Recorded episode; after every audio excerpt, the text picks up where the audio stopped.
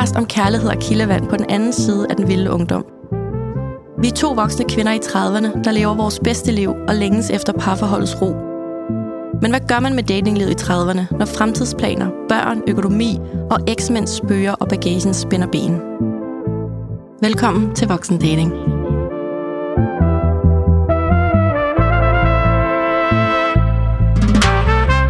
Hej Danika.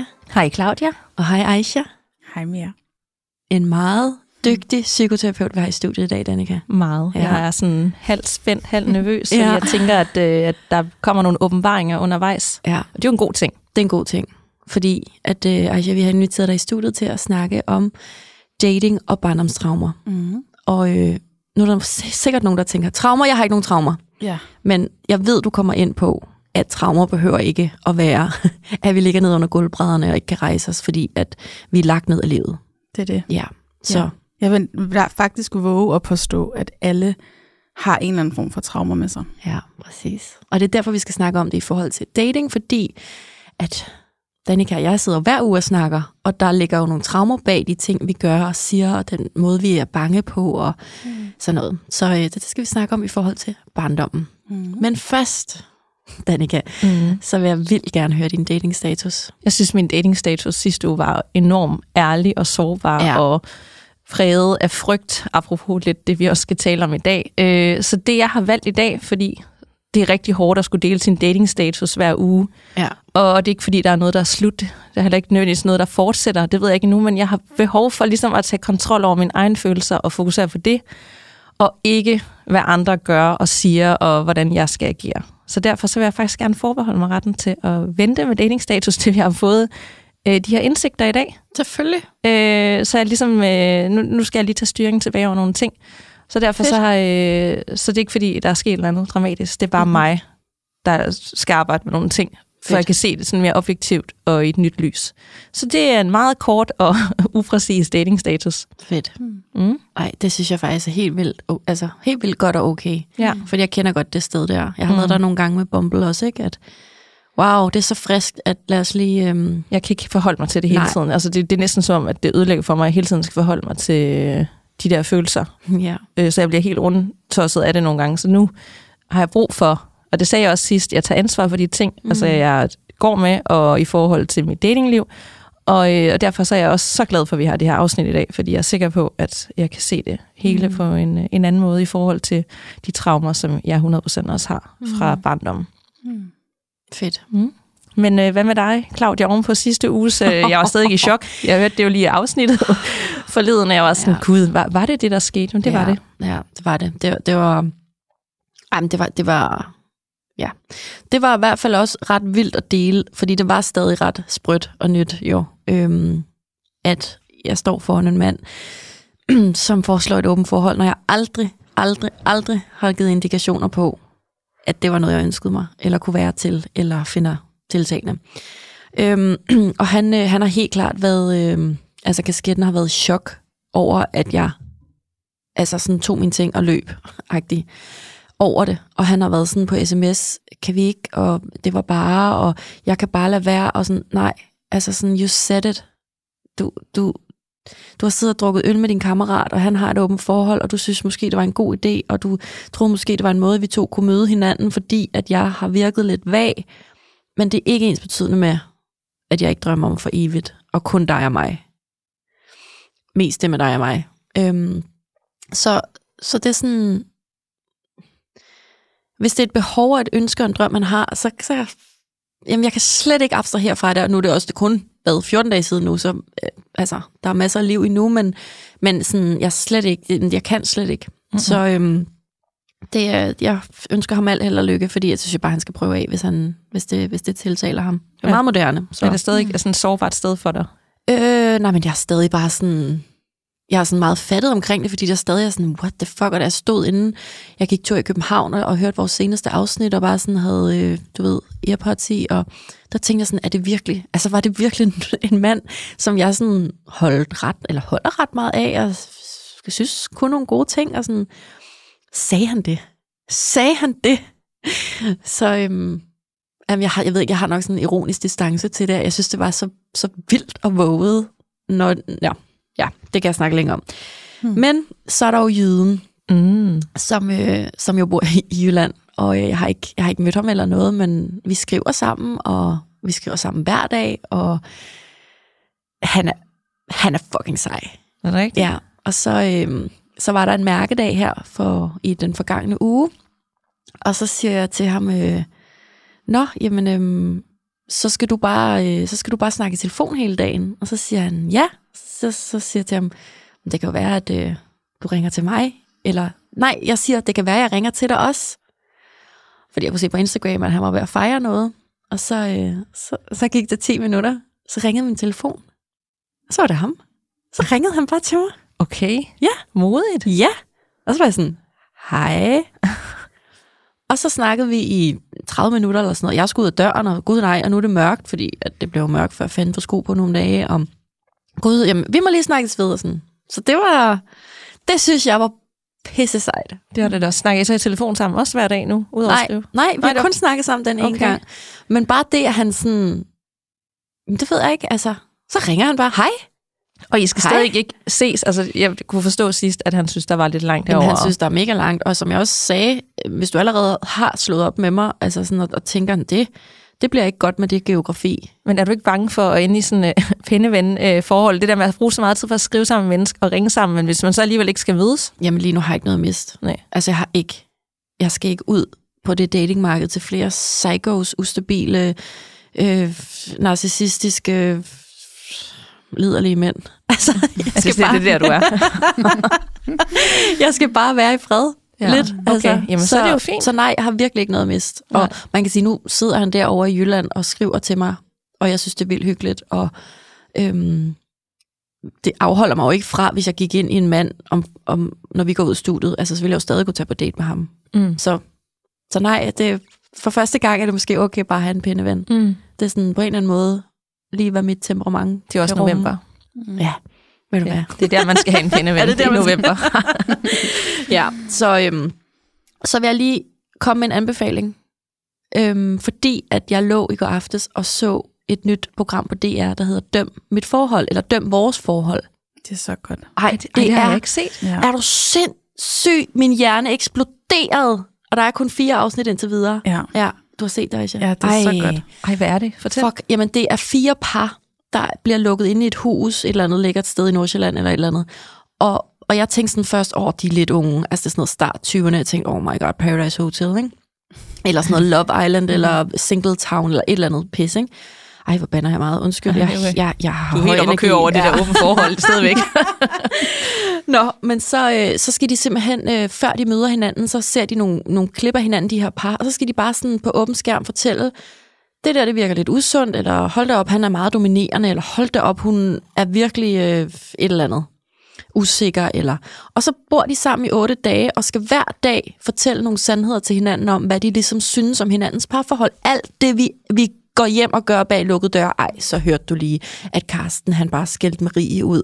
Hold da op, Marie, hun er godt nok usikker. Det skal de sidde og sige til hinanden. Ej, hvor vildt. Det er så godt, og så er der sådan noget terapeutisk, altså så kommer der noget, jeg har lige set det sidste afsnit, hvor der er sådan noget tantrisk åndedræt, og hvordan man nærmer sig hinanden in, intimt, og sådan, ja, følelsesmæssig connection, og hvordan man bryder de der mønstre, for nu, nu er man i et parforhold, men du er meget dominerende, eller jeg er meget tilbagetrukken, eller jeg er meget usikker, eller du er meget i rettesættende, eller øh, der er simpelthen et par, som altså, jeg ved ikke, om man nogensinde har set noget så usundt, øh, men hun, det er et, et, øh, et lesbisk par, og hun, den ene vil ikke lade den anden gå ud med sine tidligere veninder. Altså sådan, jeg tænker bare, wow, red flag. Altså, mm. der er så mange, nu er jeg overhovedet ikke psykolog eller noget, men sådan narcissistiske træk, hvor jeg tænker, wow, det handler kun om den ene i parforholdet. Og får de Se så det. nogle, nogle indsigter? Eller Jamen, hvad, det hvad? ved vi ikke. Vi Nå. ved det ikke, fordi der er kun fire afsnit, og jeg tror, der kommer otte i alt. Okay, okay. Så der er virkelig potentiale for, og de har været sammen i tre år, og, og, og hendes sociale omgangskreds er blevet mindre og mindre. Hun sidder og siger til sin kæreste nu, jeg føler mig ensom, og jeg kommer aldrig nogen vegne, og jeg må ikke gå ud uden dig. Og sådan, jeg tænker bare sådan social kontrol, og altså jeg er sådan helt op at køre. Ja, Se det på DR. Alle kan se det, det er gratis. okay. Ja. Det skal jeg se Døm vores forhold, ja. De er mega modige, de der par. Det er altså, så sejt. tænke, hvor sårbart at stille vildt. sit parforhold op på den måde. Ja. så alle kan se det og dømme det og se de grimme ting. Og, Det er så vildt. ja. Også fordi det var sådan, vi snakker også udseende, der er en af parerne, der er sådan, jamen jeg synes, du har lidt skæg, siger han til sin kæreste, sådan noget dun på overlæben. Okay. Altså, og så, så har de en lang snak om det, fordi at det er okay at sige egentlig, og nu bliver hun bevidst om det, så nu bliver hun usikker over, at hun har lidt dun på læben, og skal hun så fjerne det, og det er super sårbart. Hold op.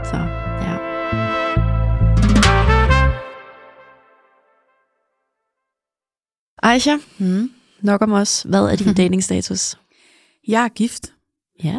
og øh, det har jeg været siden april i år, men vi har været sammen i 10 år. Mm. Så, øh, så, så hele, altså jeg er 29, så siden jeg var 19 år, har vi været sammen. Wow. Mm. Det Det er ret vildt. Ja, jeg synes også, det, det er ret vildt faktisk. Men tillykke med ægteskabet i år. så. nygift. Ja, er nygift. det vidste jeg ikke. Ja, altså det føles ikke så nygift, når man har været sammen så længe. Men, øhm, og det var også meget sådan en lille bryllup. Men altså, ja, vi er, vi er gift, og altså det er jo både, når man har været sammen så længe, så det er jo både svært og dejligt og alt muligt. Lige nu der står vi sådan et lidt sårbart sted. Øhm, men, men, men det der med, når man har valgt hinanden, altså når man ligesom, jeg har valgt at leve sit liv sammen, så er det jo også en del af det. Så øhm, Er det noget hemmeligt? Jamen, det er ikke sådan, der er ikke sket noget. Det er bare sådan de der sådan helt naturlige bølger, som jeg ser i parforhold, at sådan, så er man mere connected, eller så er man mindre connected. Og øh, lige nu, der er, vi sådan, der, er, der er lidt afstand imellem os lige nu, men vi snakker om det, vi går i parterapi, vi, vi arbejder os igennem det, vi har været her før. Okay. Så, øhm, Så, så det er ja, der, man ikke giver op.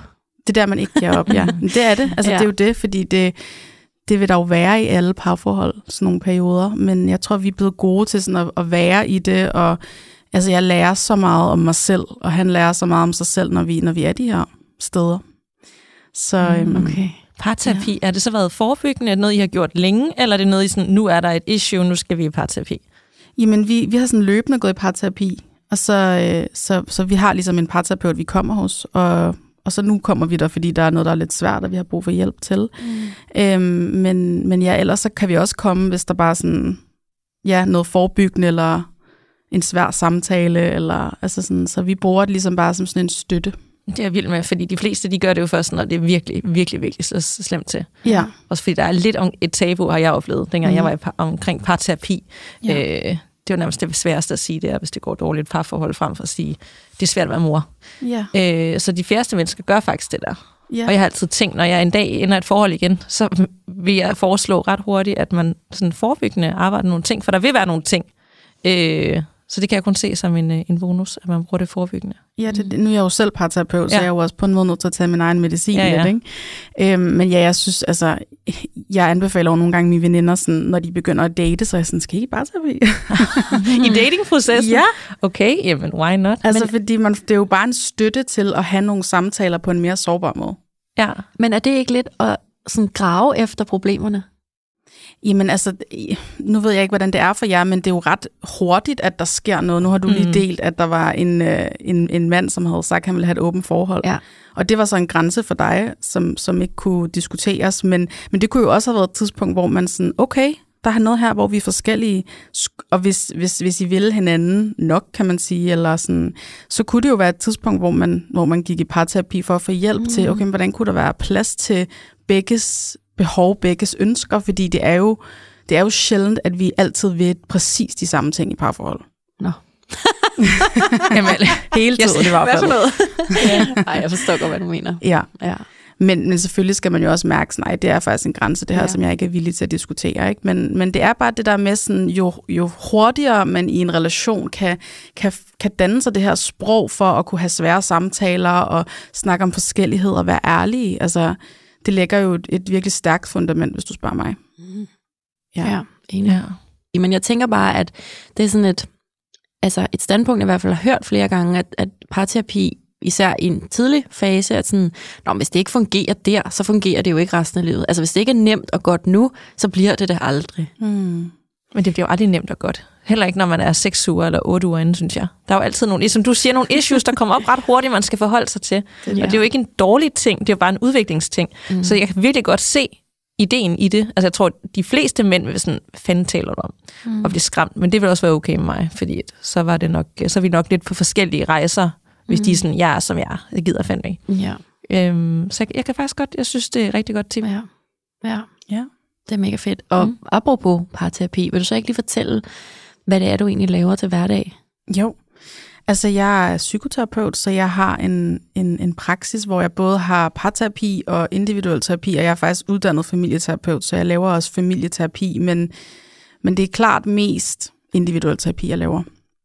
Og, øhm, og ja, så har jeg klienter, og vi snakker om, om de ting, der er svære, og, og prøver at arbejde med, med de mønstre, man har med sig fra sin barndom for eksempel. Og, og jeg har særlig fokus på, på relationer, fordi det er der ofte, at, at de svære ting, vi har med os, de sår, vi har med os, de viser os. Mm.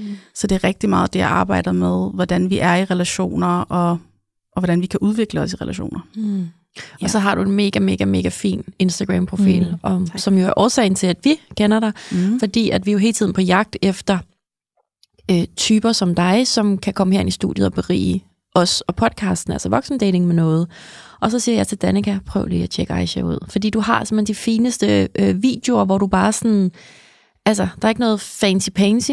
Der er ikke noget øh, glitter og glimmer. Det er bare dig, der toner frem på skærmen øh, hver dag, og ligesom øh, giver noget af din faglighed og nogle af dine indsigter på en reel eller en video, og det er tekstet, og du deler noget fra nogle af dine par øh, terapisessioner og dine mm. individuelle sessioner, og, altså selvfølgelig anonymt, ikke? Jo. Så jeg synes bare, øh, kæmpe anbefaling, fordi det er så relaterbart, det du lægger, det du lægger op. Mm. Tusind så, tak. Mm. Jeg sad og scrollede, og jeg sådan, gem, gem, ja. og sådan, åh, åbenbaring der, og altså, Præcis. især med tilknytningsmønster i uh, dating life, for det er sådan ligesom det, der spænder ben som regel for mig, ikke? Mm. Så det var virkelig sådan, Ja. ja, jeg fik virkelig øh, nogle aha-oplevelser undervejs, så Ja. ja. det kan jeg virkelig anbefale at gå ind og følge dig på Instagram. ja. Tak. Hvad hedder du? Aisha? Aisha Vedel. Vedel. Ja. Med W. Med W. Ja, Okay. perfekt. Nå. Nu kommer det.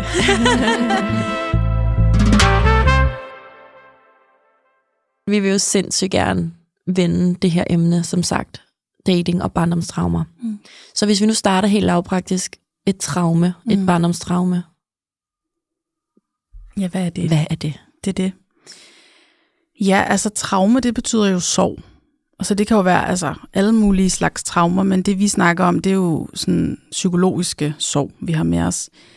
Øhm, og en af sådan mine store lærermestre, Gabo Mate, jeg ved ikke, om I kender ham, men han, øhm, han definerer et, et traume som, eller han siger, at et traume, det er ikke det, der sker for dig, men det er det, der sker inden i dig, når noget sker. Mm. Så altså det aftryk, noget efterlader i dig. Øhm, og det er på en måde ret vigtigt, når vi snakker om traumer på den her måde, at vi forstår, at det handler om det, som det, det, som det har gjort ved os. Øhm, og nu er der sikkert mange, der tænker barndomstraumer, som du også siger, Claudia, at det er sådan noget, hvor man er blevet slået eller Mhm. mm. holdt i bur. Øhm, men altså, traumer er ikke kun de dårlige ting, der sker for os, men i lige så høj grad de gode ting, som ikke sker for os. Giver det mening? Mm. Uh. Ja, Det gør det faktisk. absolut. Ja, så altså ikke at blive set, ikke at føle sig elsket, at der ikke var plads til ens følelser. Det er jo faktisk basale behov for et barn. Så det er faktisk traumatisk, når man ikke får det, altså når der ikke er plads til det.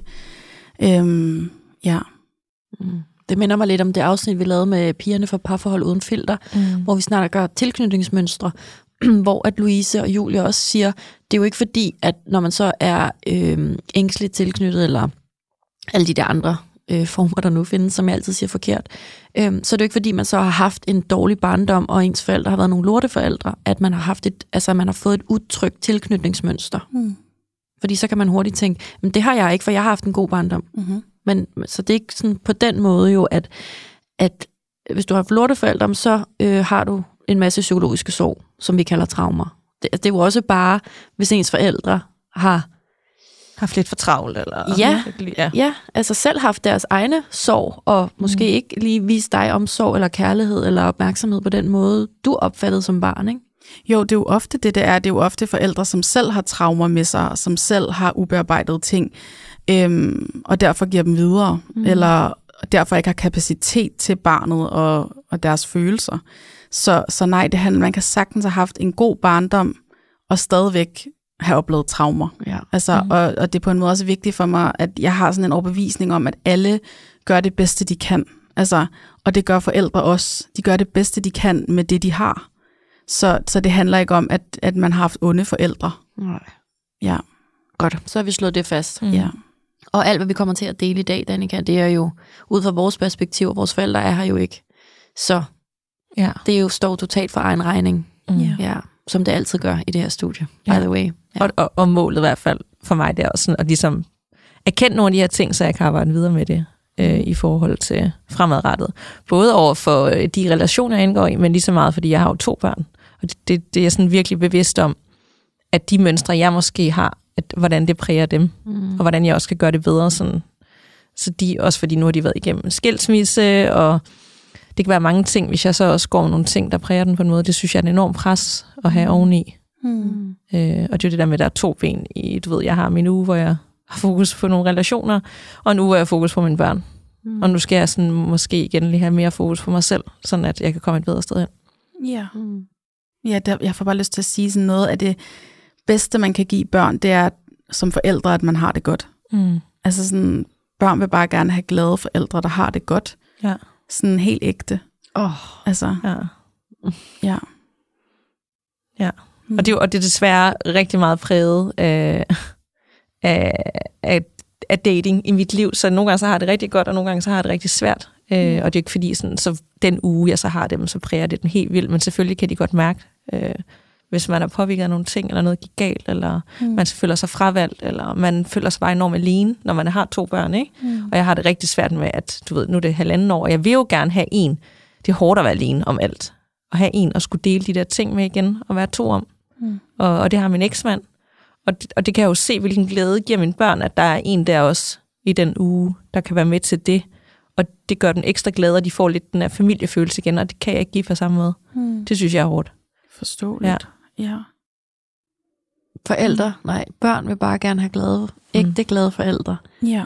Det er måske sådan, hvis vi sådan skal starte med et af mine største barndomstraumer. Mm. Det er jo, at jeg outede mine forældre. Altså, jeg, jeg sagde til mine forældre, skal I skilles? Skal I skilles? Skal I skilles? Da jeg var måske 8, 9, 10 år. Og så blev de skilt, da jeg var 12. Altså sådan, jeg kunne mærke, der var noget. Mm. Jeg kunne mærke, der var nogen, der ikke var glade i hvert fald. Og det var ikke noget, det var ikke noget nogen sagde. det var bare noget, jeg mærkede. Og jeg føler på en eller anden måde, jeg, jeg kunne se det. Øhm, så, så det er i hvert fald øhm, meget klassisk jo, at min forældres skilsmisse, det, det, det, det må simpelthen være et traume for mig. Men det var lige så meget, hvis ikke mere, årene op til, hvor jeg følte, jeg mærkede, at nogen ikke var glade. Og øh, jeg fik jo at vide, nej, nej, nej, det skal vi ikke, indtil de skulle. Mm. For mig, kæmpe traume.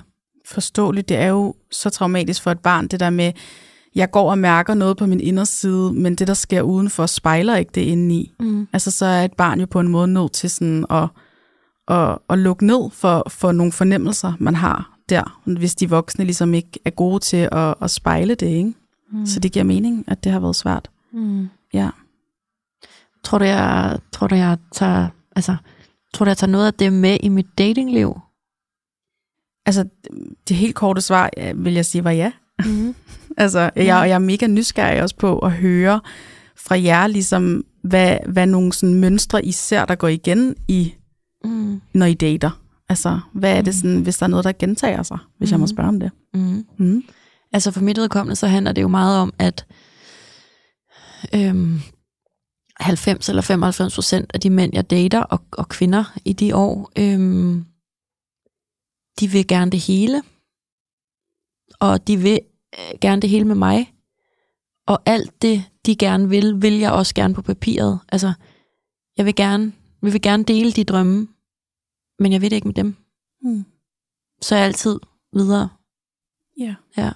Og så er der de sidste 5%, som jo er folk, hvor jeg tænker sådan, the one that got away-agtig følelse, eller, Mm. åh, oh, ham kunne jeg ikke få, eller, ja. Ja, så når nogen gerne vil dig, at så har du det ikke på samme måde. Mm.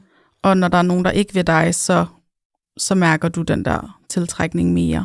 Er det sådan? Ja, og ikke, men ikke bare på den der klassiske, jeg vil ikke have dem, der vil have mig, eller omvendt, eller nej, hvordan var det? Jeg, jeg, vil, jeg vil have dem, der ikke vil have mig. Det er, ikke, det er ikke sådan på den måde, fordi jeg ender med at være i ret lange relationer med de her søde, ordentlige, dejlige mænd, der ved det hele. Mm-hmm. Så det er ikke, fordi jeg sådan ind ud. Altså, jeg ender jo faktisk med at, at virkelig give det syv chancer mere, end det måske burde. Ja. Fordi jeg tænker, prøv at høre, det er, jo, det er jo det her, der kunne være det gode liv. Mm. Ikke ham der idioten derovre, som ikke engang kigger min vej. Ja, så, så selvom at du egentlig har en fornemmelse af, uh, den er ikke, det, er ikke, det føles ikke rigtigt, Mm. så siger du, så har du lange relationer alligevel. Ja, det kan jeg jo se det. historisk set, at jeg har virkelig mange af de der sådan lange situationships, hvor vi kommer ikke rigtig nogen vegne. Altså han står lidt og venter på mig, og jeg er lidt på vej ud af bagdøren, ikke? Hmm. Ja. Okay. Ja, altså så... Men jeg skal bare lige være med, så, så, så det du siger er også, at du egentlig bliver i noget, selvom at, at din fornemmelse er noget andet. ja, ja. det er det, det, er det jeg sagde med Ja. en lang sætning, ja. Og, og, og på en måde, nu kan jeg bare til at tænke på det, du lige sagde lige før, det der med at have haft en fornemmelse for noget, som de voksne ikke spejlede, ikke? Mm. Altså omkring en skilsmisse der, ikke? Altså, ja. Så, så der tænker jeg, altså der kunne jeg forestille mig, at, at du også har haft sådan en strategi med sådan, når, jamen, det jeg mærker er nok ikke så vigtigt, eller det er ikke rigtigt, eller... Præcis. Altså, Jeg kan godt se, hvor du... Øh, hvor din tankegang går hen nu. Jeg er helt enig. hmm, Hold da ferie, det er virkelig rigtigt. hmm, Ja, så bare lige for, at det ikke er for, for indforstået, hvis man ikke lige fulgt med i vores øjenkontakt her, for jeg var sådan, åh oh, nej. hmm. Så, så det, jeg hørte sige, det er jo, at, øhm, at hvis jeg i en meget ung alder har lært, at det, jeg mærker, det måske ikke sådan helt rigtigt bliver mødt, eller sådan, Mm. mm. det, det bliver ikke helt rigtigt anerkendt Ja. i forhold til for eksempel min forældres situation, og hele den stemning, der var derhjemme som barn, Hmm. Så, øhm, så er det jo sjovt, at jeg har gjort en karriere ud af nu at stå op for, at man skal lytte til sin mavefornemmelse og stole på det, man mærker. Hmm. Både på Instagram og her i podcasten, ikke?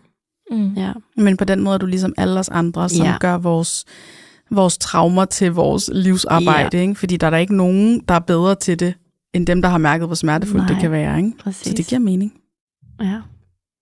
Hvordan kan du så arbejde med det fremadrettet, altså i forhold til det, hvis det, fordi en ting er at identificere det, der er Ja, noget. hvad skal gør jeg man? gøre? Hvad gør man? Så det ikke bliver ved med at spænde ben for en. Ja. Jamen altså, det der jo er vigtigt, det er på en måde, at, at nogle af de følelser, du beskriver her, Claudia, som kommer op i dig, når du dater, det var jo også nogle af de følelser, der var dengang. Altså er sådan, uh, der er en mavefornemmelse her, der er noget, der ikke føles rigtigt. Altså, og der er det jo på en måde vigtigt at huske, at jamen, i dag, der er det jo ikke farligt at lytte til din mavefornemmelse, eller holde fast i dig selv. Det var det, da du var barn, der var det farligt, fordi der matchede det ikke, kan man sige, din omgivelsers virkelighed. Øhm, så det er jo virkelig det der med at kunne processere de følelser, der kommer op i dig her nu som voksen. Altså at håndtere dem på en anden måde. Så i stedet for at, at, at strække dig for langt, tilpasse dig og, øhm, hvad kan man sige, ja, gå ind i en relation, som egentlig ikke føles rigtigt. Så det der med virkelig at tage alvorligt, hey, der er faktisk noget her, jeg mærker, som ikke føles rigtigt inde i mig, og det vil jeg gerne tage alvorligt på en eller anden måde. I talsætte det, eller ikke gå ind i relationen, eller altså giver det mening? Mm, ja, helt sikkert. Ja, så det er det der med sådan at få nye erfaringer med at håndtere de svære følelser Mm. på en anden måde, end man gjorde som barn. Mm. Ja. Ja. Det er jo der, hvor jeg aldrig er bleg for at bede om hjælp. Altså, jeg booker jo bare kropsterapeuter og psykoterapeuter og ja, Mm. kærlighedscoaches. Og, altså, jeg elsker jo at få hjælp til den slags. Ja. Jeg elsker den slags sådan, indsigt, der plopper op i hjernen på mig, når vi har sådan en snak her. Og så vil jeg sige, at det, der heller ikke er farligt i dag, det er jo også, at dengang der var min mor og far jo en autoritet. Det var jo dem, der ligesom ikke sådan... øhm, de, de kunne jo ikke rigtig sige, ja, ja, du har helt ret, min skat. Mig og far, vi går faktisk med, med tanken om at blive skilt. Altså sådan, det ville være helt sindssygt at sige til en 8-årig, tænker jeg.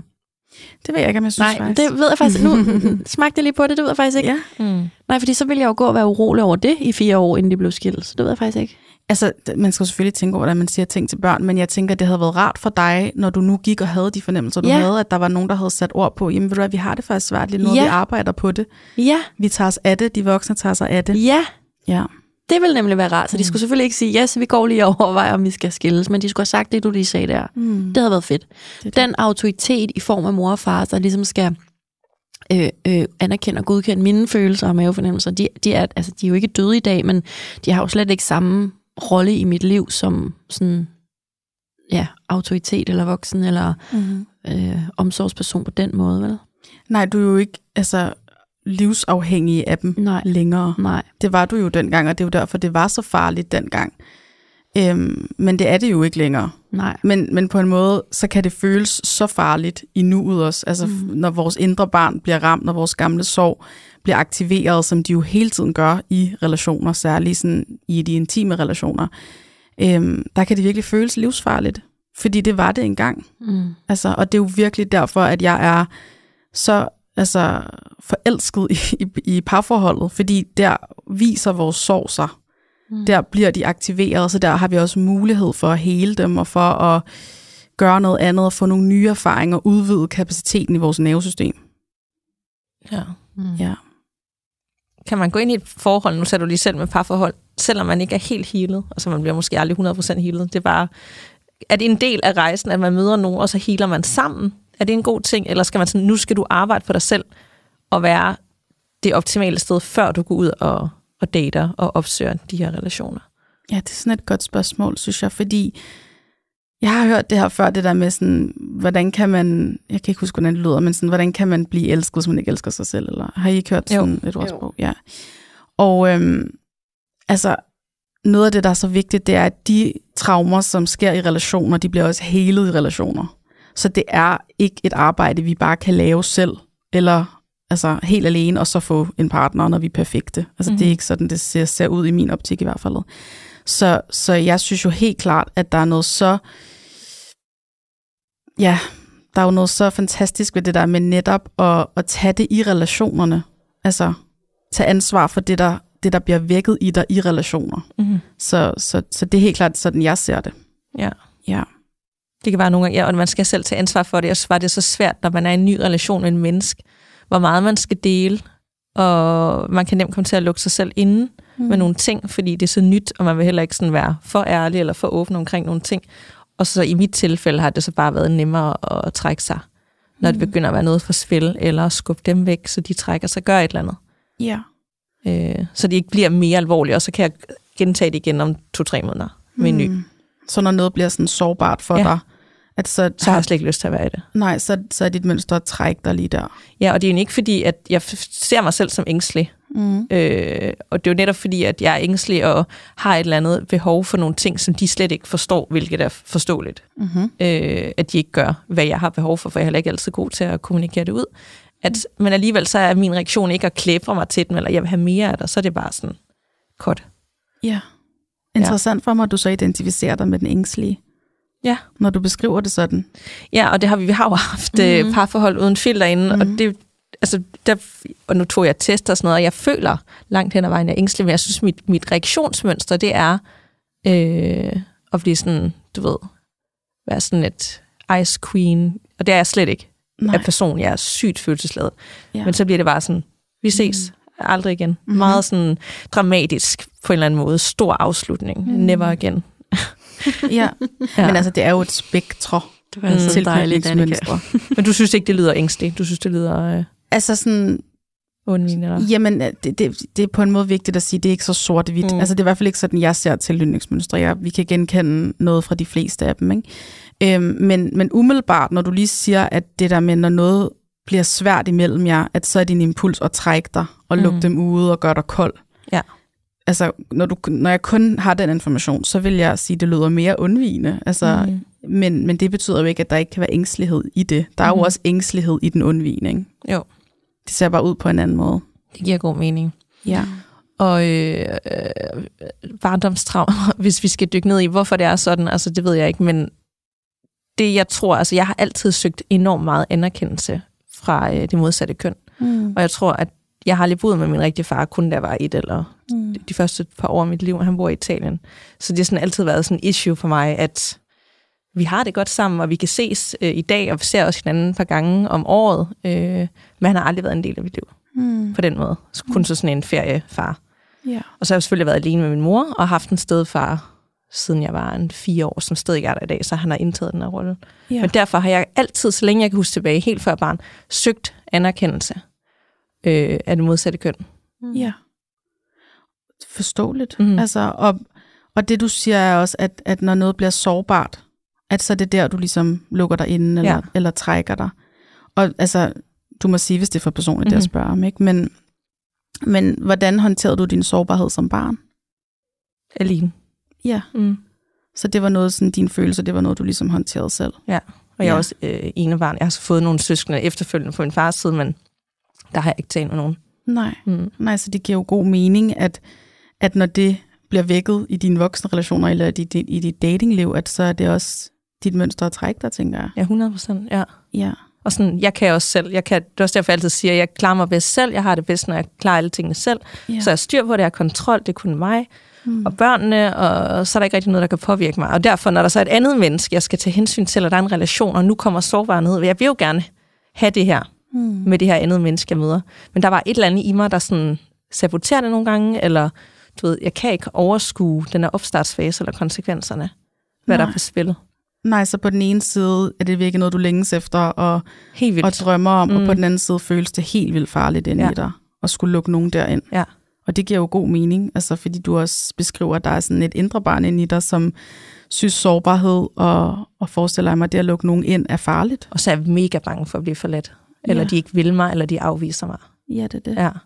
Ja, så det passer jo på dig, det der med at, at trække dig og gøre dig kold. Mm. Altså, Og hvordan gør jeg så noget ved det? Fordi det er jo noget, der er kommet altså, frem en del gange, vil jeg sige, mm. Det, det sidste halvanden år.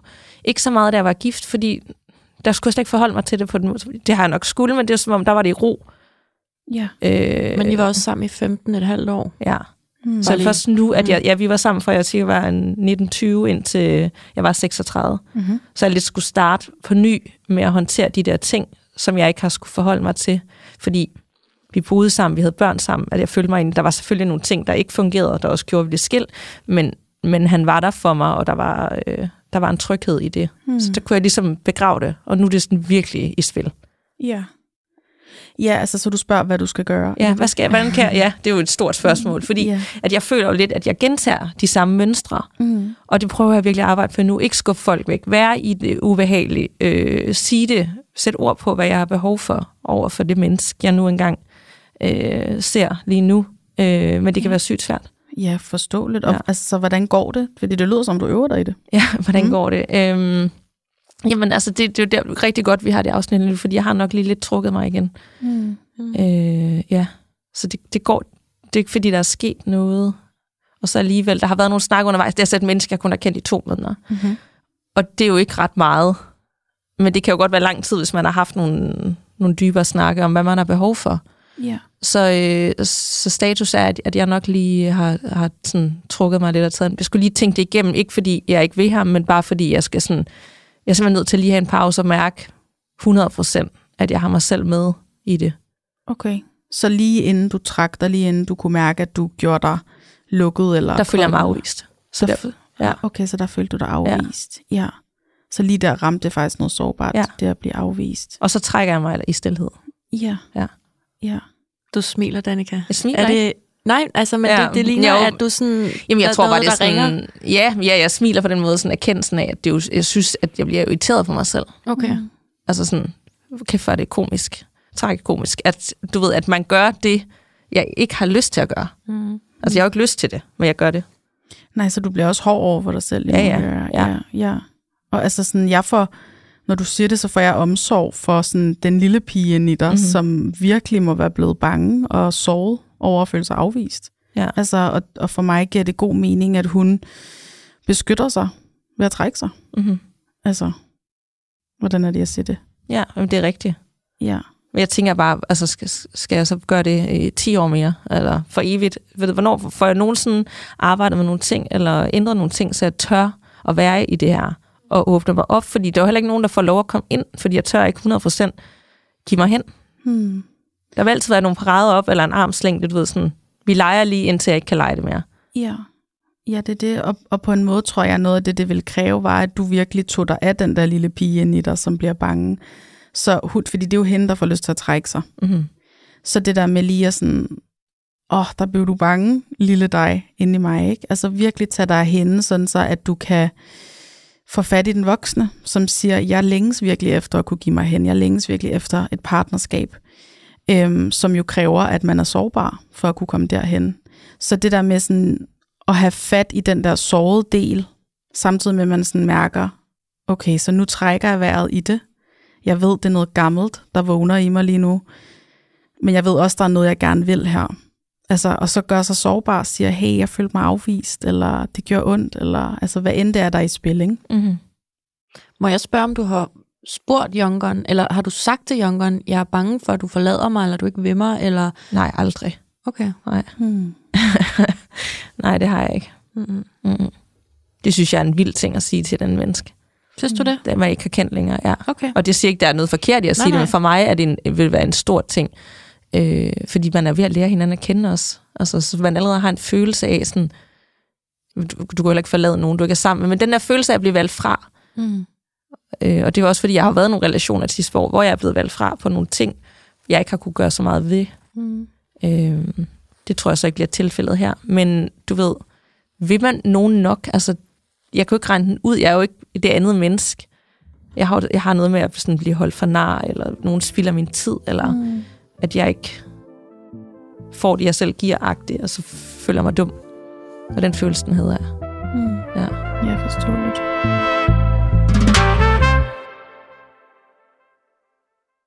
Jeg vil jo overhovedet ikke, altså der er vi to jo også super forskellige, men jeg vil jo aldrig nogensinde have noget issue med at ligge sådan arm i arm og, du ved, ja, stearinlys tændt, og så have sådan en snak sådan, fuck man, jeg kan bare mærke, at, øhm, at jeg synes bare, du er mega nice, og så kan jeg bare blive sindssygt bange for, at vi ikke er sammen om en måned, eller om et halvt år, eller et år. Altså, og jeg siger det på ingen måde, fordi at jeg så synes, at øh, jeg er bedre end dig til, og et eller andet, det ved du godt.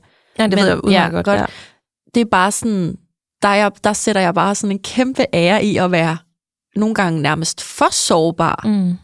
Altså, så piller vi nærmest navle for hurtigt. Ja. hvor at du piller måske navle for sent. Ja, 100 procent. Jeg, Ja. skulle være, altså, jeg synes egentlig, at i den her relation har jeg været bedre til at sætte ord på nogle 100. ting end tidligere, hvor, 100. jeg sådan har, hvor man tænker, efter 6-8 uger har jeg nærmest ikke for sagt noget. Altså, ja. Men 100 procent, at jeg kunne blive endnu bedre til det. ja. Øh, og det er jo aldrig en dårlig ting at snakke om sådan noget. Jeg tror også bare nogle gange, at, og det er igen mig, der ser det udefra og, og får bevidst om, kan jeg så skubbe nogen væk, hvis man er sætter for hurtigt ord på sådan nogle ting. Altså det kan godt være en voldsom ting, men omvendt, hvis det var det, der skulle til, at jeg satte ord på nogle ting, at de tænker, ellers tak, jamen, så det jo også, har de jo også gjort mig en tjeneste. Ikke? Mm. Det kunne jo også være, at han, ham du siger det til, hvis det nu var Youngeren i det her tilfælde, at han sagde, fuck hvor fedt, jeg har det på præcis samme måde. Jeg er også mega bange for, at du ikke vil fortælle mig, øh, hvor du er i vores relationer, at det er fordi, du er ved at forlade mig. Mm. Det, det vil sådan være logikken ind i mig. Er det for, er det for sårbart, eller hvad, Aisha? Hvad? Øhm, nej, altså det, jeg synes jo, det er dejligt, når vi deler vores sårbarhed, men, men det jeg på en måde har forståelse for, det er, at for, for en del af dig, Danika, der er det for sårbart at sige. Ikke? Ja, tydeligvis. Ja. Det er det. Så, så på en, men ja, Mm. Ja. Altså det vil jo komme på et tidspunkt, hvis man, men, men spørgsmålet er, vil man nogensinde nå over de der par måneder? Fordi så er det ligesom Men det Gået er i- også, ja. Det er, Hvad? jo mega, ja, det er jo mega sårbart at sige det der, hvis han så forlader dig dagen efter, fordi du lå og var sårbar. Ja, så- siger jeg det vil fandme aldrig ja, igen. præcis. Ej, det ville jo være horribelt. ja, fordi det vil jo gøre ondt, men det vil jo ikke være livsfarligt. Nej. Altså fordi det, vi kan jo ikke styre, det kan jo sagtens være, at, man, at, det, at det var det, der ville være sket. Mm. Men det, at du fik en erfaring med, at Altså fordi sårbarhed, det er jo ikke noget, du giver til en anden, det er jo noget, du giver dig selv. Ikke? Det er det der med sådan at kunne stå i din sårbarhed og hele dig, alle dine følelser. Det er jo sådan, det er jo noget, du giver dig selv, en måde at være i verdenen på. Så, Mm. så ligegyldigt, hvordan han reagerer, eller hvad der sker, så er det på en måde selvkærligt over for dig. Og Ja. at være sårbar, fordi det, jeg får en fornemmelse af, du må rette mig, hvis det ikke er sådan, det er også, at det, det er ensomt eller smertefuldt at lukke dig inde på Ja. den her måde, ikke? Og Det er trække dig. 100%. Ja. Ja. Ja. Sårbarhed er ikke noget, du giver til. En anden, En noget, du anden. giver til dig selv. Det var, det var smukt. Det var lige en, uh, Det var det, en reminder gange ja. 1000. Ja. Wow, no. Ja. Men da vi snakker barndomstraumer, Danika, så, så kommer vi hurtigt til at snakke om mine forældres skilsmisse, og du nævner noget med din far, mm. altså din rigtige far ja. i Italien. Er det fordi, at du selv tænker, at der er noget der med at være blevet forladt, eller hvad tænker du? Ja, nu er det jo ikke, altså, det er jo ikke ham, der forlod os. Det var min mor, der rejste derfra, fordi okay. de ikke kunne få det til at fungere efter et par år. Øh, og så er han jo altid blevet dernede. Så har han jo aldrig været en del af mit liv i Danmark. Han har jo altid været i mit andet hjem, som jeg så også besøger. Vi har det vildt godt sammen. Men det har været mærkeligt, det der med, at en, for mig, at min far ikke har sådan været en, en del af sådan mit inderste liv. Altså, det har sådan været sjov og hygge og livsnøderi, og vi hygger os helt vildt, øh, når det er. Men nogle gange kunne der jo gå, hvad det en gang om året, nogle gange kunne der gå to år imellem, nogle gange kunne det være tre gange om året. Altså, det er jo ikke meget, jeg egentlig har set min far ud over 37 år. Altså, hvis Nej. man sådan tænker over, hvor meget altså, tid. Og så er jeg jo heldigvis en fantastisk stedfar, der har taget den rolle langt hen ad vejen. Men 100 procent, jeg har sådan, ja. Og selvfølgelig har der også noget været, den måde, jeg voksede, min mor fik mig meget ung, der har været nogle ting øh, i forhold til det, og du selv siger med at kunne mærke nogle ting, og, og du ved, der har det nok altid i vores hjem været sådan, altså, der har det næsten været for stor, jeg har været en for stor del af frustration, eller der blev råbt højt, eller du ved, skændtes højt. Mm. Øh, det har det ikke været noget, man gemte Nå, okay, nå, det er helt ikke. omvendt. Ja, nej, ja. overhovedet ikke. Der er det sådan virkelig været sådan, så har været en del af mange af de der øh, konflikter, og det er også noget, jeg selv kom til at tage med ind i mit ægteskab med vores børn, øh, da vi stadig ikke var sammen, at de kunne sådan nogle gange se os, og det var den værste følelse i verden. Og nu ser de jo os aldrig skændes, fordi nu er vi jo ikke sammen, men når vi er sammen, så er vi sådan bevidste om det. Men det er i hvert fald også noget, hvor jeg har ligesom været, bare været vant til at håndtere tingene selv. Mm. Og hader konflikter også. Ikke fordi jeg er konfliktsky, men jeg hader bare, du ved, når bølgerne går højt, og med energierne i et rum, hvis der er nogen, der lige har skændtes. Man kan bare mærke det, Mm. Sådan noget. Så, øh, det, altså, men Ja. igen, det er jo ikke fordi, altså, som I også selv siger, det der med, det er jo ikke fordi, det har været en dårlig barndom. Jeg har jo haft en tryg barndom, og de har jo gjort alt, hvad de kunne Mm. øh, for mig, og ja, Mm. altså... De er så, mega søde, dine forældre. og Ja, sådan de er jo så det fantastiske. Ja. Øh, så, det er jo ikke, så det er jo ikke det, men alligevel har der bare været nogle ting i forhold til, og det der du sagde med, det aftrykket, der er sat i mig, af hvad der er sket. Det er ikke Mm. det, der er sket nødvendigvis. Det er bare den måde, jeg, det har sat sig, og den måde, jeg har håndteret det på. Mm. Og det er jo sådan lidt åbenbaring. Sådan, gud. Ja. Men er der noget af det, som Danika lige har snakket om, som fra dit sådan, faglige perspektiv giver mening, at, at Danika har fået den der øh, sådan, trække, Ice Queen-agtige øh, reaktion? Ja, altså både du deler det her med, at, at dine forældres konflikter fyldte, og deres følelser fyldte meget. Mm. Og det gør jo på en eller anden måde, at der er mindre plads til børnenes følelser og deres sårbarheder. Ikke? Så, så jeg kunne forestille mig, nu snakker jeg bare generelt, at, at et barn så tænker, Nå, så er det nok smart, jeg, jeg gemmer det her lidt væk, eller jeg lukker i, eller jeg klarer tingene selv, for jeg vil ikke, jeg vil ikke tilføje til, til dramaet derude. Ikke? Øhm, ja, og så også det her med, at du siger, at, at, din, at din far, eller I rejste væk fra, fra, jeres, fra din far, og man kan sige, som voksen kan vi jo forstå det med vores hoved, om det var der nok en god grund til, men, men som barn, der, der kunne jeg forestille mig, at, at det har været svært, det der med ikke at forstå, hvorfra, og hvad betyder det, og hvad, Mhm. hvorfor, og altså, ja, Ja, 100 procent. ja. Og nu har jeg også, nu har vi snakket meget om det der, det der øh, hvad du kaldte det sidst, sådan, uh, pretty girl syndrome-agtigt. Pæn pige. Pæn ja, pige, vi skal opføre os ordentligt. Ja, og, og det har jeg sådan altid haft sådan, og nu siger du det der med sådan, så er der ikke plads til mine følelser. Så skal man være på en bestemt måde, for ikke at skabe mere konflikter mm. eller drama. Mm. Mm. Øh, sådan, jeg har altid haft sådan noget med, sådan, at tingene skal være perfekt. Det har jeg også haft i datingrelationer, jeg vil gerne imponere, at tingene skal være sådan, det er lidt facadeagtigt. Og det er jo mange aspekter af mit liv, mit arbejdsliv, mit kærlighedsliv, øh, hvordan jeg ser ud. Altså jeg kan godt lide, at tingene bare er, hvor barn er sat højt. Mm. Øh, Helt vildt. Ja, med alt, hvad ja. jeg gør, ikke? Fra Mm. træning til alt skal bare, jeg skal nå det hele på det halve, ikke? Og alt skal bare være totalt. Men det er ikke ens betydende med, at følelseslivet afspejler det samme. Det er det udad til, ikke? Jo. Fordi så er der færre problemer på en eller anden måde. Ja. Ja, og, var det også sådan for dig som barn, det der med, jo, jo, Jeg jo bedre, jeg mere en klarede pæn mig. pige Mm. du var, eller jo bedre du klarede den, Mm. altså jo mere fred var der, eller jo mere kærlighed var der, eller... Det har i hvert fald vildt mig selv ind, ikke? Ja. Jo, ja. Så det giver jo, det giver jo god mening, Ja. at det så også er blevet sådan i dit voksenliv. Ikke? Ja, ja. Jeg vil gerne være den bedste til alt. ja. Og alligevel så fejler jeg, sådan, når det kommer til sådan noget med relationer og give mig selv hen. Men de giver jo god mening, når der er det der facade på spil. Mm. Ja, det der bare er så vigtigt at huske, det er alle de her mekanismer, vi snakker om lige nu, det er jo, det er jo sådan beskyttelsesstrategier. Ikke? Mm. Det er jo Mhm. noget, der virkelig passer på. Altså, det er så vigtigt at se det på den måde, for vi kan blive så frustreret over, at vi er, som vi er, men det der med virkelig at forstå, okay, det har virkelig været nødvendigt. Mm. at jeg var sådan, at jeg er sådan. Altså, det synes jeg er ret vigtigt i forhold til sådan, også at få selvomsorg for den måde, vi er på i verdenen. Mm. Ja. Ja.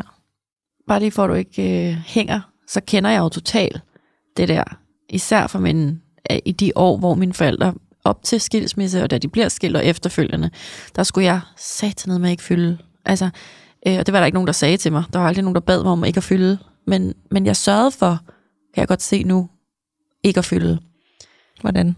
Jamen sådan, så nu kunne jeg jo se, at mine forældre var kede af det, for eksempel. Så prøvede jeg lige at være lidt mindre ked af det, fordi at jeg havde jo omsorg for dem, og jeg ville jo ikke have, at de var kede af det. Så det der med sådan, børn vil bare gerne have forældre, der er glade, det havde jeg jo ikke i de år. Hmm. Så jeg skulle i hvert fald ikke være endnu en faktor. Altså, så nu spiste jeg bare det mad, der blev serveret, og så øh, glædede jeg mig bare til Disney Show om fredagen, og så øh, tog jeg min lille søster med ud at lege, fordi at så var der lige ro. Altså, det kan jeg godt se sådan et mønster i, at mm. ikke, at, ikke at ville fylde noget, eller jeg skal i hvert fald ikke lige være den, der til besvær. Mm.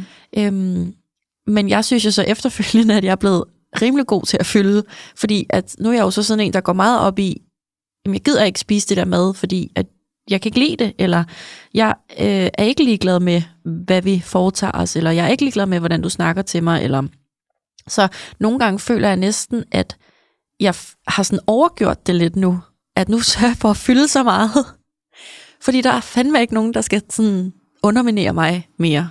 Ja. Giver det mening? Ja, det giver rigtig god mening. Hvordan tænker du så, at det ængstlige, der kommer til udtryk, spiller ind? Altså, hvordan er det kommet på baggrund af alt det her? Med det der, du godt kan lide, hvis du virkelig vil noget sådan at klæbe sig til det. Og... Jamen, det var fordi, jeg klæbrede mig jo stadigvæk for eksempel meget til min far, total fars pige. Så jeg ville jo, altså jeg græd, når han skulle på forretningsrejse. Altså jeg ikke græd, jeg, jeg skreg, jeg hylede. Og var sådan, så skal jeg være alene hjemme med mor i fire dage. Jeg var sådan, er det ikke meget fedt? Eller sådan. Og det var ikke, fordi jeg ikke kunne lide min mor, men sådan, det, jeg ville ikke have, at han forlod mig. Og hvis han skulle op og handle om lørdagen, så skulle jeg med, og jeg skulle sidde i den der indkøbsvogn. Altså, og han ja. skulle ikke vige fra min side. Hvis han øh, skulle, jamen, anything. Hvis han skulle ud og løbe, så løb jeg med. Så jeg løb bag min far, og jeg var ved at hose mine lunger ud som barn og sådan noget. Så, så jeg ville bare så gerne være tæt på min far. Og jeg elskede bare at være sammen med ham. Altså sådan, det var lige meget, hvad vi lavede. Og det er sådan lidt det, jeg drømmer om jo, at, at få mm. i et kæresteforhold, at vi behøver ikke at lave alt sammen, men tænk, hvis vi kunne lave alt muligt sammen. Men Hvor ville det dog være dejligt. Men han havde været tilgængelig for dig sådan i barndom og det hele. Altså han havde været til ja. stede. Det var ikke, fordi ja. du har manglet et eller andet. Nej, altså jeg, jeg, jeg, jeg kan primært huske min far fra min barndom. Fordi jeg, min mor, hun siger altid, det er altså lidt irriterende, at du ikke kan huske, at jeg smurt madpakker til dig, fordi det gjorde jeg altså i otte år. sådan, var det ikke far, der gjorde det? Mm. Var det ikke far, der vækkede os? Var det ikke far, der lavede morgenmad? Var det ikke far, der kørte mig i skole? Og sådan, nej, det var det altså ikke. Det var altså lige god om, ikke? Men mm. øh, jeg elskede bare at være sammen med min far. Så da de bliver skilt, så sker der jo et helt naturligt clash, fordi så er man, eller vi var, øh, øh, halv-halv, ikke? Hos, hos hver vores hver mor og far der. Så hvad var spørgsmålet? Det var bare i forhold til ængsteligheden, og Nå, det der ja. med sådan, og, eller også om ja. det der med, om han havde været tilgængelig. Ja. Det lyder til, at han havde været mere end uh, tilgængelig for det. Ja, så jeg tror, at jeg var, jeg blev, øh, jeg fik virkelig traumer over at blive skilt fra den der kernefamilie, hvor at jeg jo synes, at livet bare var sæbebobler og badeland og fodre ind om søndagen. Mm. Tror du, det er derfor, du søger det så meget nu? Altså, du har jo den her idé om, hvordan det skal være, mm. og hvad du drømmer om, og det er nærmest helt filmagtigt. Mm. Er det, fordi du kunne huske det før? Mm. Der er et før og et efter? Ja, eller hvad? 100. Copy-paste. Ja, copy-paste, ja. ja. Jeg er jo også en type, der stadigvæk, nu er jeg 34, og jeg kører stadigvæk ud forbi mit barndomshjem. Det ligger sådan altså en halv time her ude for byen i ja. København, ikke? Så det er ikke, fordi det er sådan en dagsrejse. Men så kører jeg ud forbi, og så reminiscer jeg sådan lidt, det var den legeplads, jeg legede på, og ja, min farmor bor stadig i nærheden, så det er også tit, når jeg besøger hende, ikke så? Mm. Så der er et eller andet sådan traume måske, kigger jeg på Aisha, sådan, mm. i forhold til sådan det, der var. Mm. Kan, vi, kan, jeg, kan jeg genskabe det? Mm. For det var rigtig godt, yeah. da det var. Mm-hmm. Ja. Så, så hvad er dit spørgsmål? Ikke noget. Det? det var bare, det var egentlig bare en, en refleksion mm. omkring, at hvor det der ængstelighed kunne komme fra. Mm. At jeg tror simpelthen, at jeg klamrede mig så meget til det gode, da jeg var barn, og det er stadig det, jeg gør. Så når jeg dater mænd, hvor jeg egentlig på anden daten jo nærmest har sådan, det er ikke noget for mig, så kan jeg godt alligevel finde på at klamre mig til det gode i ham, fordi mm. der er jo noget godt i alle mennesker. Og ja. når de så til med gerne vil mig, ikke? det vil de jo gerne, de mm. søde, dejlige mænd der. Altså, de, er jo, de er jo super hengivende mange gange. Mm-hmm. Ja. Så yes. klamrer jeg mig ligesom til, til den procentdel, der fungerer. Ja. Ja, og, og jeg hører, at du også lige der kommer til sådan at give lidt slip på, altså på det, du egentlig også mærker. Præcis. Altså, ligesom da jeg var barn. Ja. ja åbenbart. Det er det. Ja. Så det, er jo, så det er jo det, der... Altså, fordi du sagde lige før, nu fylder jeg så meget, og jeg er god til at tage, tage space i mm. relationen. Mm. Men jeg hører, der er en del af dig, som ikke helt får lov. Men det er dating-relationer. Ja, det der det. føler jeg nok ikke nok. Nej, det er Nej, det. Men i alle andre relationer, der skal jeg love for, at jeg gør en død ud af, og må være der. Mm-hmm. Ja. Ja, så det er jo virkelig også, der er jo også noget sårbart lige der, som ikke får lov til at fylde i dine dating-relationer, ikke? Ja. Som jeg tænker kunne være vigtigt. Ja. Altså. Men hvad, hvad, kunne hun, hvad kunne du gøre fremadrettet så? Sådan, skulle du sige stop noget tidligere, fordi du skal mærke efter mavefornemmelsen, eller skal du holde ved det der med, at du tror på, at der er en derude, der kan give dig det hele? Altså, det er jo de, de der jeg ting. Tror, ja, jeg tror bare, jeg skal date nogle andre mænd. Jeg tror, jeg har sådan kredset lidt om det før, at jeg skal altså en anden type? Ja, eller? det tror jeg. Fordi jeg keder mig for hurtigt med de der Hvad tænker du om det, Aisha? Åh, oh, hvad tænker jeg om det? Altså, jeg tænker, at jeg hører et mønster. Og når jeg hører et mønster, så tror jeg ikke, at det hjælper at finde en anden mand.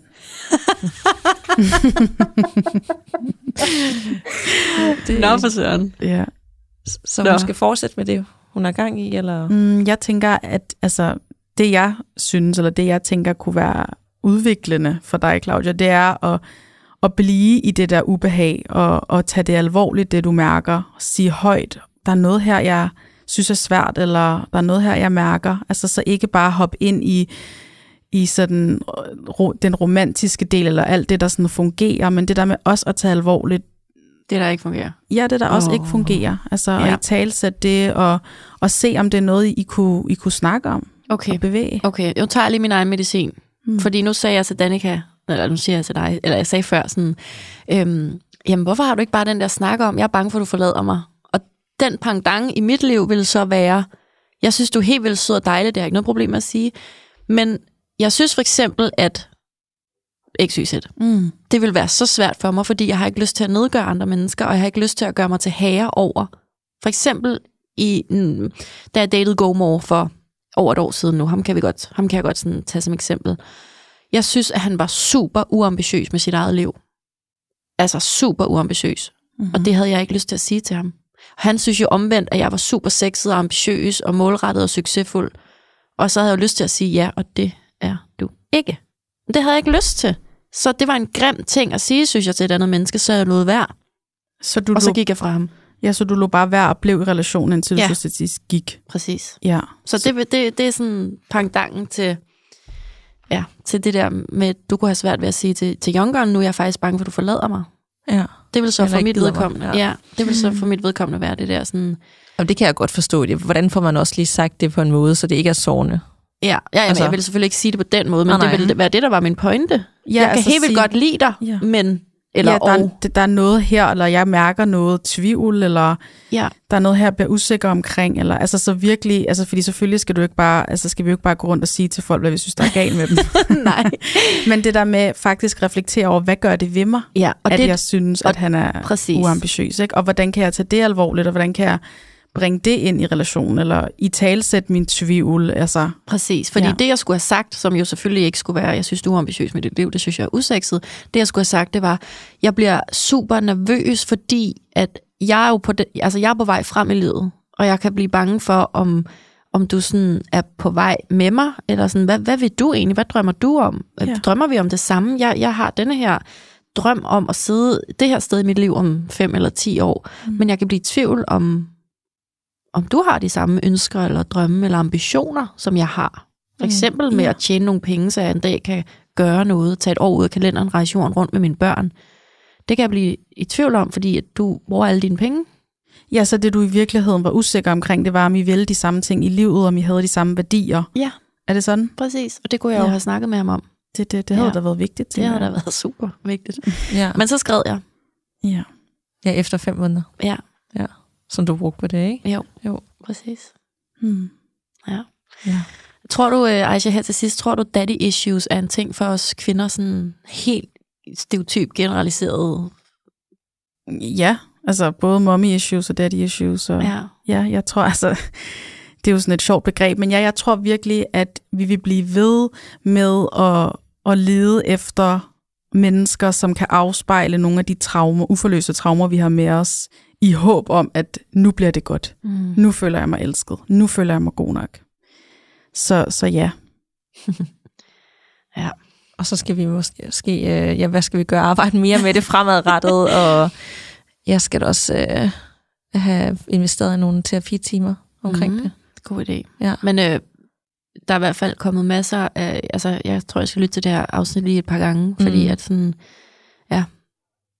Der, der er kommet masser, vi hver især kan gå hjem Ja. og arbejde med. Og forhåbentlig lytterne derude også tænker, Præcis. det kan jeg genkende noget i, eller selvfølgelig er der det. er der et eller andet i deres liv, hvor de tænker, Præcis. det skal jeg lige have arbejdet med, eller det præger mit datingliv, eller andre relationer. Hmm. Præcis. Det handler jo heldigvis ikke bare om dig og mig, men vi Mm-mm. prøver jo egentlig bare at, at spejle det, som kan ske i os selv og andre mennesker. Ikke? Så Ja. det er meget Wow. stort privilegie. Ja.